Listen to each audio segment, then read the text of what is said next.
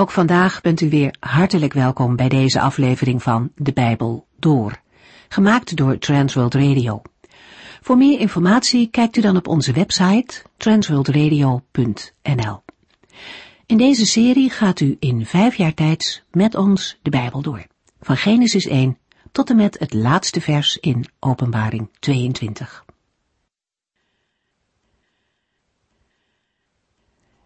In de vorige uitzending hebben we drie hoofdstukken uit het Bijbelboek Job doorgenomen. Zijn vrienden hebben hun meningen gegeven. En Job zelf is nog niet uitgepraat. In hoofdstuk 26 begint hij met een beschrijving van Gods overweldigende macht in de schepping. Zelfs in het dodenrijk beven de doden voor God. Bildad sprak over Gods grootheid, maar Job laat zien dat hij nog veel groter en ook bedreigender is dan Bildad beseft. Wat mensen zien van God is nog maar een glimp, zegt Job. Het is als een gefluisterd woord. En wie zou dan overeind blijven wanneer de donder van Gods stem klinkt? Met andere woorden, hij adviseert Bildad om te zwijgen. In Job 27 gaat hij verder en Job betuigt opnieuw zijn onschuld. Hij klaagt daarbij ook God aan die hem geen recht doet. Job denkt dat God zich zelfs niet door het recht laat weerhouden om te doen wat hij wil. En daarbij moeten wij niet vergeten dat Job hier vanuit een diepe nood spreekt. De Heere veroordeelt Job later ook niet om zijn woorden. Over de woorden van de drie vrienden is het oordeel niet mild, maar Job krijgt geen kritiek van God. Het enige wat God hem wel duidelijk maakt, is dat Jobs blik te beperkt is. Uiteindelijk leert Job meer van God kennen, maar dat weet hij in hoofdstuk 27 nog niet. En vervolgens snijdt Job vrij plotseling een nieuw onderwerp aan. Hoofdstuk 28 gaat over de vraag waar een mens wijsheid kan vinden. Dit hoofdstuk heeft de opbouw van een lied of van een gedicht. En in het refrein wordt de vraag herhaald en aan het einde geeft Job het antwoord. Wijsheid is ontzag hebben voor de Heere en inzicht is het kwade vermijden. We lezen nu verder in Job, de hoofdstukken 29 en 30, waarin hij beschrijft hoe zijn leven er vroeger uitzag. Hoe hij probeerde die echte wijsheid van God handen en voeten te geven in zijn dagelijks leven.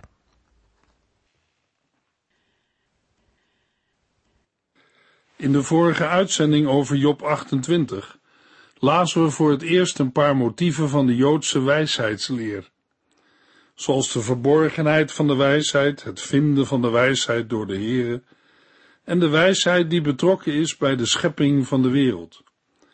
Deze wijsheidsleer vinden we ook in spreuken 1 en 8 en vormt de achtergrond van de plaatsen in het Nieuwe Testament waar Jezus met deze wijsheid in verband wordt gebracht, of zelfs vereenzelvigd. In de voorafgaande toespraken hebben Job en zijn vrienden het er telkens over gehad, wie van hen er woorden van wijsheid sprak. Maar nu Job aan het begin staat van zijn slotpleidooi, moet hij erkennen dat de wijsheid buiten het bereik van mensen ligt. Jobs vrienden beweren tevergeefs de wijsheid in pacht te hebben. Alleen de Heere doorgrondt de wijsheid. Alleen Hij heeft inzicht. Alleen wie ontzag heeft voor Hem en het kwaad mijt, kan wijsheid vinden. Toch is het opmerkelijk dat de woorden van vers 28 nauw aansluiten bij de manier waarop Job in het Bijbelboek wordt geïntroduceerd. Zo bezien schetst Job in de slotwoorden van het gedicht in Job 28 zichzelf als een wijze en bevestigt hij indirect alsnog het gelijk van zijn woorden in de dialogen. Maar deze wijsheid en dit inzicht brengen nu nog geen verandering in de situatie van Job. Bijbeluitleggers wijzen erop dat Job deze tegenstelling uitwerkt in de hoofdstukken 29, 30 en 31. Job laat deze drie hoofdstukken uitlopen op een plechtige verklaring van zijn onschuld. Daarmee speelt Job 28 een fundamentele rol in de opbouw van het Bijbelboek. De traditionele samenhang tussen zonde en straf klopt niet. En alleen de Heere kan een antwoord geven. In hoofdstuk 28 laat Job zijn vrienden het falen van hun argumenten zien. omdat Job de structuur van hun visie ondermijnt. Het is dan ook geen wonder dat zijn vrienden niet meer met hem in discussie willen gaan. Wel is het zo dat Job zelf de waarheid van zijn woorden nog aan de lijve moet ondervinden. Binnen de directe context vormt het gedicht in Job 28 de opmaat voor de laatste toespraak van Job, waarin hij niet alleen terugblikt op zijn situatie, maar waarin hij ook heel direct de Heere zelf aanspreekt. Als de Heere alleen over wijsheid beschikt, dan is het ook passend dat Job zich uiteindelijk direct tot hem wendt. Na het gedicht over de wijsheid zet Job zijn monoloog op een meer persoonlijke wijze voort, als een slotpleidooi waarmee hij nog eenmaal zijn zaak bepleit. Jobs afsluitende toespraak in de hoofdstukken 29, 30 en 31 vormt in de structuur van het Bijbelboek de tegenhanger van zijn openingsklacht in Job 3 en is niet direct tot zijn vrienden gericht, al hebben zij Jobs woorden wel aangehoord. Het is tegelijk de laatste toespraak die Job in het Bijbelboek houdt. De slotrede van Job kent een duidelijke opbouw. Nadat hij weemoedig heeft teruggeblikt op zijn vroegere voorspoed en positie, beklaagt Job zich over alles dat hem nu heeft getroffen. Het loopt uit op een climax, waarin Job de Heere zelf direct aanspreekt en ter verantwoording roept. Jobs uiteenzetting eindigt met een herhaalde en uitgebreide betuiging van zijn onschuld. Job 29, vers 1 tot en met 6. Job vervolgde: Och, was het nog maar zoals vroeger, toen God mij beschermde, toen Hij de weg voor mij verlichtte en ik veilig door het donker kon lopen. Ja, zoals in mijn jongere jaren toen in mijn huis de vertrouwelijke omgang met God voelbaar was. Toen de Almachtige nog dicht bij me was en ik mijn kinderen om me heen had. Toen mijn zaken goed liepen en er room in overvloed was en de rots stromen olijfolie voor mij opleverde. Job begint met een eigen aanhef, die de overgang markeert van het verheven gedicht over de wijsheid naar de harde realiteit van Jobs vergane glorie, die in Job 29 centraal staat. In zijn klaagzang spreekt Job de wens uit dat zijn leven toch was als vroeger, als in de dagen dat God over hem waakte. Toen merkte Job dat Gods lamp hem bescheen, een teken van levensgeluk, en de Heer in het donker zijn weg verlichtte. Dat was de bloeitijd van zijn leven, toen Gods bescherming over of zijn vertrouwelijke omgang met Jobs gezin was. Toen was de Almachtige nog met hem en had Job zijn kinderen nog bij zich. De Heere zegende Jobs leven met zo'n overweldigende voorspoed, dat de room in overvloed was en de rots stromen olijfolie voor hem opleverde. Olie en room functioneren in het Oude Testament vaker als tekenen van een bijzonder welvarend leven. Het valt op dat Job in de eerste verse van hoofdstuk 29 de nadruk niet zozeer op het verlies van rijkdom, macht en status legt, maar op het verdriet, om het gemis van Gods zegen en nabijheid, of althans op het besef daarvan. Zo geeft Job te kennen zich ervan bewust te zijn dat hij zijn voormalige rijkdom en positie niet door eigen inspanning heeft verkregen, maar uit de hand van de Heere heeft ontvangen. Job 29, vers 7 tot en met 10. In die tijd liep ik nog naar de stadspoort en nam daar mijn plaats in tussen de gerespecteerde leiders. De jongeren zagen mij en deden een stap opzij, en zelfs de ouderen gingen uit eerbied voor mij staan. Voor aanstaande mensen zwegen wanneer ik sprak en namen aan wat ik zei. Zelfs de hoogste ambtenaren in de stad bewaarden het stilzwijgen. Vervolgens treurt Job om zijn verloren aanzien. In de samenleving van het oude nabije oosten een belangrijk punt. Bij de aanduiding stadspoort is het goed om ons te realiseren dat de leiders natuurlijk niet midden in de doorgang bij de stadspoort gingen zitten. Meestal was er bij de stadspoort sprake van een plein, een open plaats aan de binnenzijde van de stadspoort, waarop verschillende wegen vanuit de stad uitkwamen. In de dicht bebouwde steden van die tijd was dat vaak de enige open plek in de stad. Als er meer ruimte nodig was, werd er soms uitgeweken naar een dorsvloer buiten de stadspoort. Bij de stadspoort speelde zich een groot deel van het openbare leven af. Er werd nieuws uitgewisseld, er werden besluiten genomen en er werd recht gesproken. Daar te mogen zitten, in plaats van staan, zoals toehoorders, was alleen voorbehouden aan leiders met aanzien. Daarom zegt Job, in die tijd liep ik nog naar de stadspoort en nam daar mijn plaats in tussen de gerespecteerde leiders. Als Job vroeger naar de stadspoort ging om zijn plaats op het plein in te nemen, zoals vermoedelijk dagelijks zijn gewoonte was, deden de jongeren vol ontzag een stapje terug en stonden de ouderen respectvol op om hem te begroeten. Als Job kwam, staakten de vooraanstaande mensen hun gesprekken en zwegen zij. Ze namen aan wat Job zei. Zelfs de hoogste ambtenaren in de stad bewaarden het stilzwijgen. Zo wordt Job in de eerste tien versen geschilderd als een gelovige huisvader en een leider met het meeste aanzien binnen de gemeenschap waarin hij leefde. Job 29 vers 11 Allen luisterden graag naar wat ik zei. Ieder die mij zag, sprak goed van mij. Wie over Job hoorde, prees hem gelukkig. Wie Job zag, sprak goed over hem. De reden daarvoor is dat Job zijn maatschappelijke positie niet voor zijn eigen verheerlijking of gewin aanwendde, maar zich juist inspande voor degene die hulp nodig hadden. Job 29, vers 12 tot en met 17. Want ik hielp als eerlijke rechter de armen in hun nood en de vaderloze kinderen, die verder niemand hadden om hen te helpen.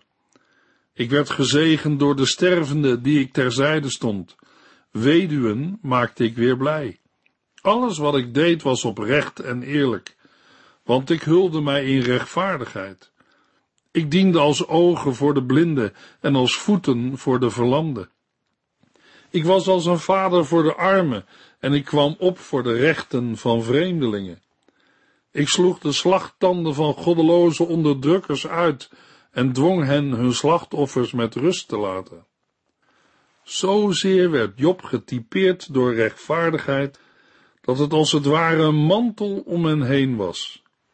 Een mantel en ook een tulband was een teken van waardigheid. Het dragen ervan was voorbehouden aan vooraanstaande leiders. De typering wint nog aan kracht door de plaats van vers 14.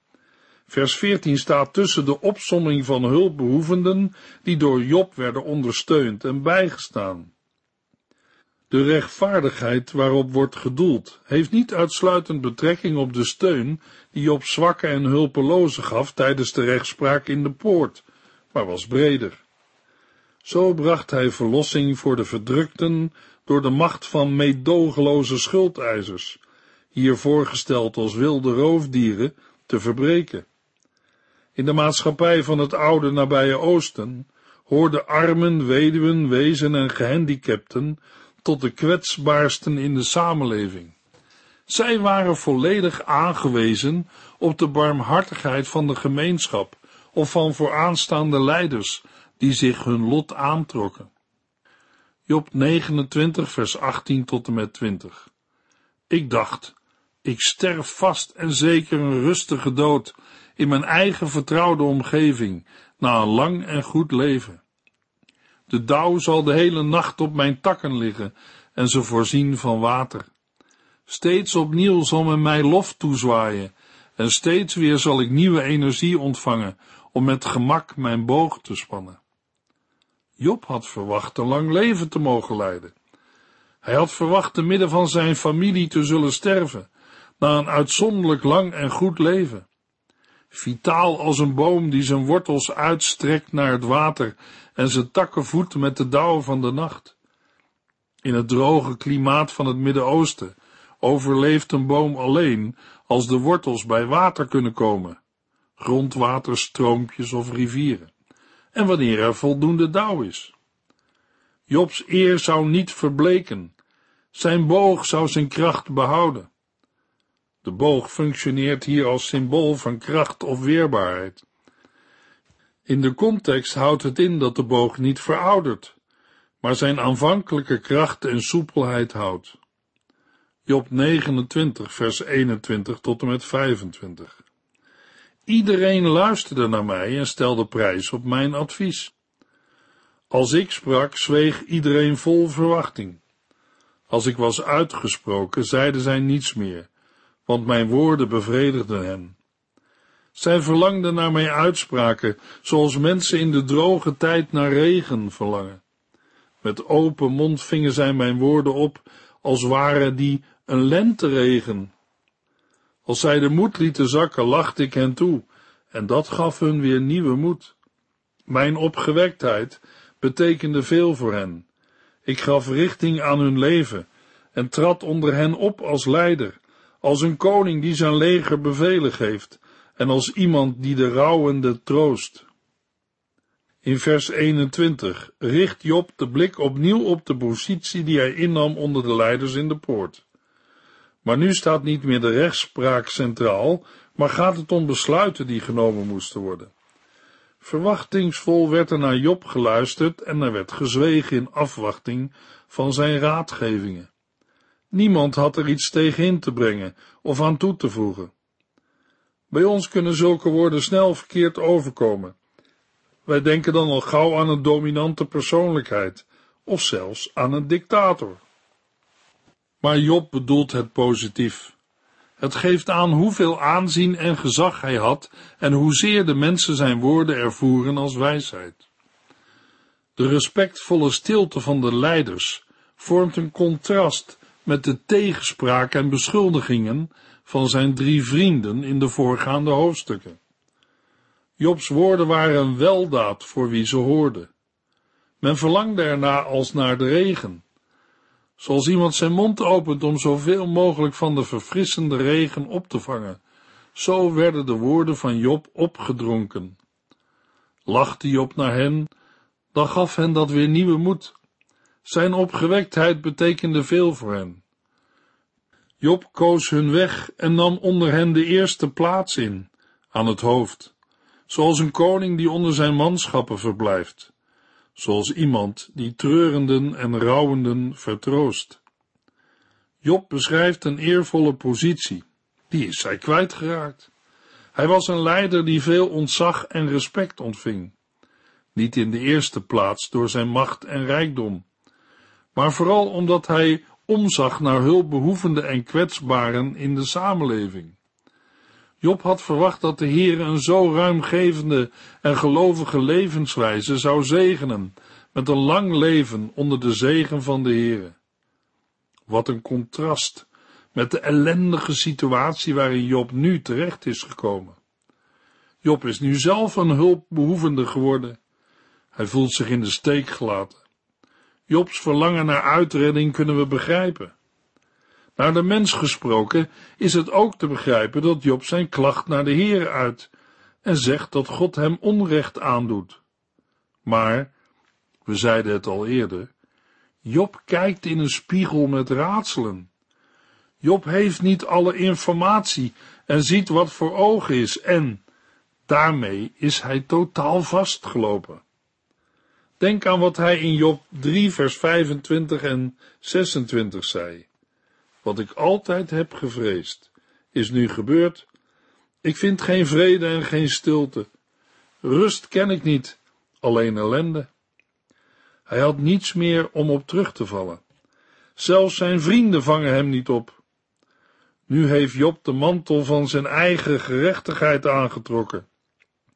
In Job 29 Vers 14 zegt hij, alles wat ik deed was oprecht en eerlijk, want ik hulde mij in rechtvaardigheid. We horen van Job geen toegeven van eigen schuld en fouten. We horen of zien niets in Job van een gebroken en verslagen geest. Dan richt de blik zich in Job 30 op het heden. Er is niets meer over van Jobs vroegere glorie. Job 30 vers 1 tot en met 3. Maar nu word ik bespot door mensen die veel jonger zijn dan ik. Jonge mannen wiers vaders niet goed genoeg zijn om op mijn herdershonden te passen. Trouwens, hoe zou de kracht van hun handen mij hebben kunnen helpen, nu hun levenskracht is vergaan? Uitgeput door de honger hebben zij s'nachts rondgezworven in verschroeid land, in verlaten woestijnen. Een hond werd gezien als een verachtelijk en onrein beest. Dat leeft van wat hij bij het afval vindt.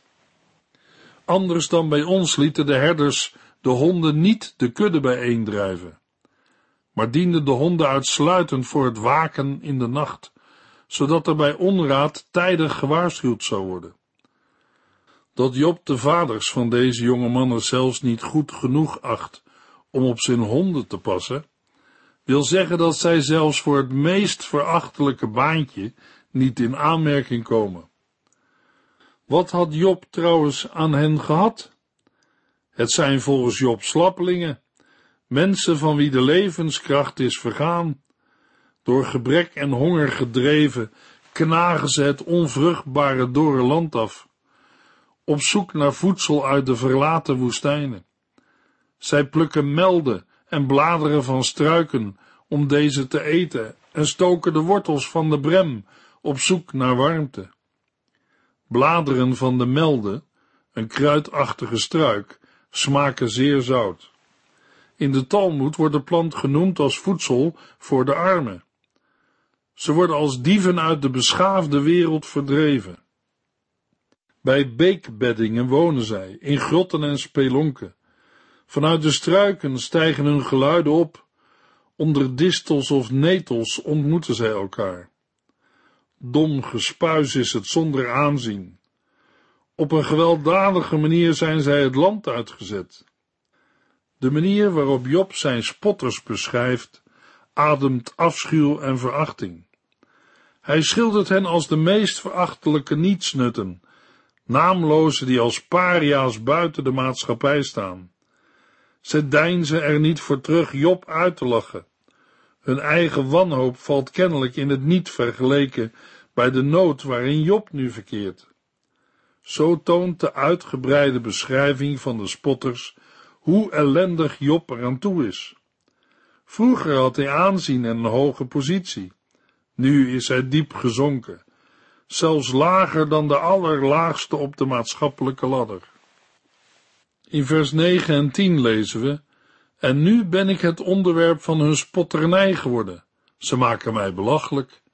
Ze hebben een hekel aan mij en willen niet bij me in de buurt komen. Ze durven mij zelfs in het gezicht te spugen. Job schildert de spotters af als een bende vijanden die tegen hem oprukt en tegenover wie hij machteloos staat.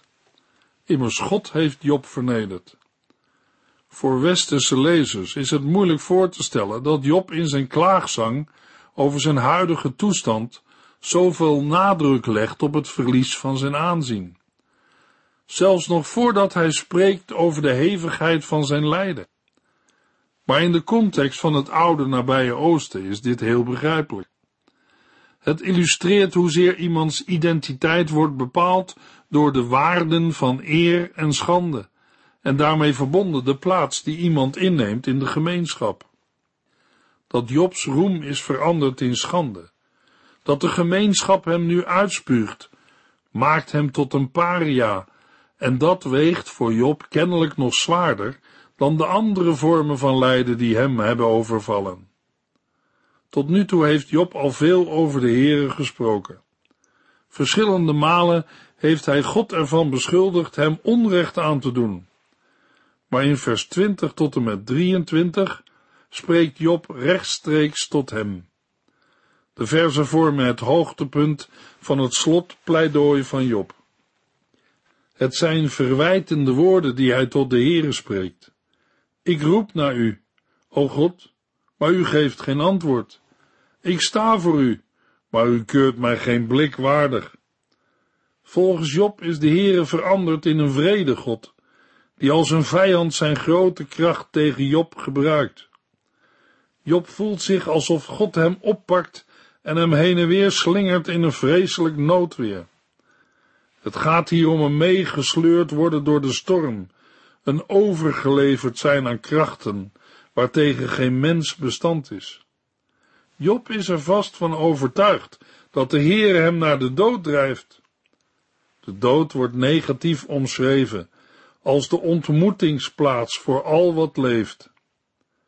Ten slotte zegt Job in Job 30 vers 31, Mijn blijde en opgewekte stem klinkt nu als de stem van een rouwende. Hoewel Job in de laatste verse van dit hoofdstuk God niet meer direct aanspreekt, blijft het beeld van een vrede, onbarmhartige God nog doorklinken.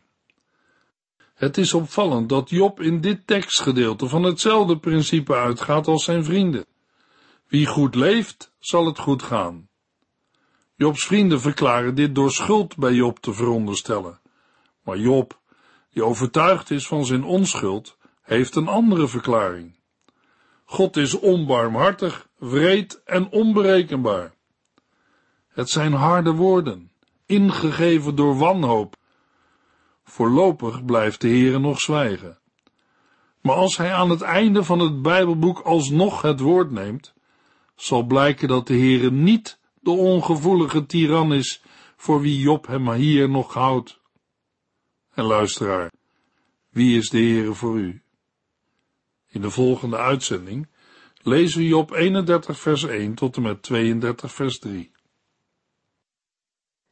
U heeft geluisterd naar De Bijbel Door, in het Nederlands vertaald en bewerkt door Transworld Radio.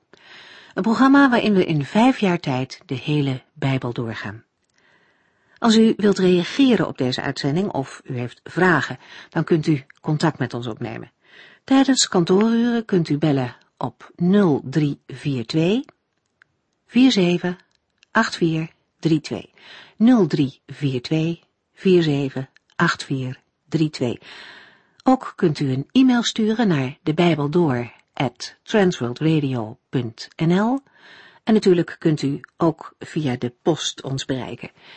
TWR, postbus 371, postcode 3770, AJ in Barneveld. Dit programma werd gepresenteerd door Cor Weda en Ike André. Techniek was in handen van Odin van Voerkom. En wij allemaal bedanken u voor het luisteren. Graag tot de volgende keer.